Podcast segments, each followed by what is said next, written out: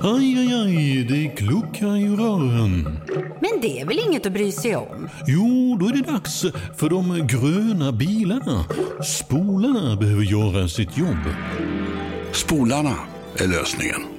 Ah, hör du? Nej, just det. Det har slutat. Podplay. Här är senaste nytt från nyheterna. Ett kraftigt jordskalv har inträffat i Japan och en tsunamivarning har utfärdats för delar av Japans mellersta västkust. Bilder från landet visar på omfattande förödelse på allt från vägar till stora skador på byggnader. Vi hör seismolog Björn Lund. Det här är ju en väldigt stor jordbävning med 7,5. Det är ju nästan lika stor som de vi hade i eh, Turkiet här i februari. Och det verkar som till största delen, det här är ju inte en punkt, alltså skalvet sker ju inte i en punkt utan längs en sprickzon som kanske är 10 mil lång.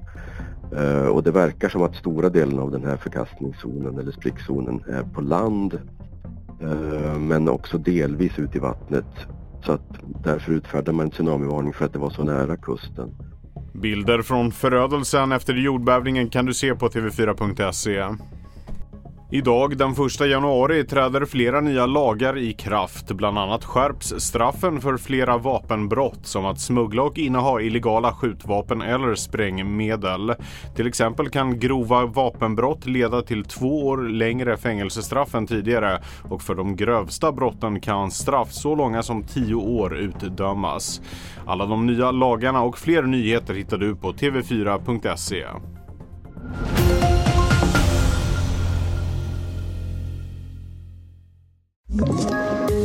poddtips från Podplay.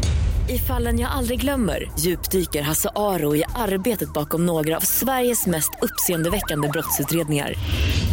Går vi in med hemlig telefonavlyssning och, och då upplever vi att vi får en total förändring av hans beteende. Vad är det som händer nu? Vem är det som läcker? Och så säger han att jag är kriminell, jag har varit kriminell i hela mitt liv men att mörda ett barn, där går min gräns. Nya säsongen av Fallen jag aldrig glömmer på Podplay.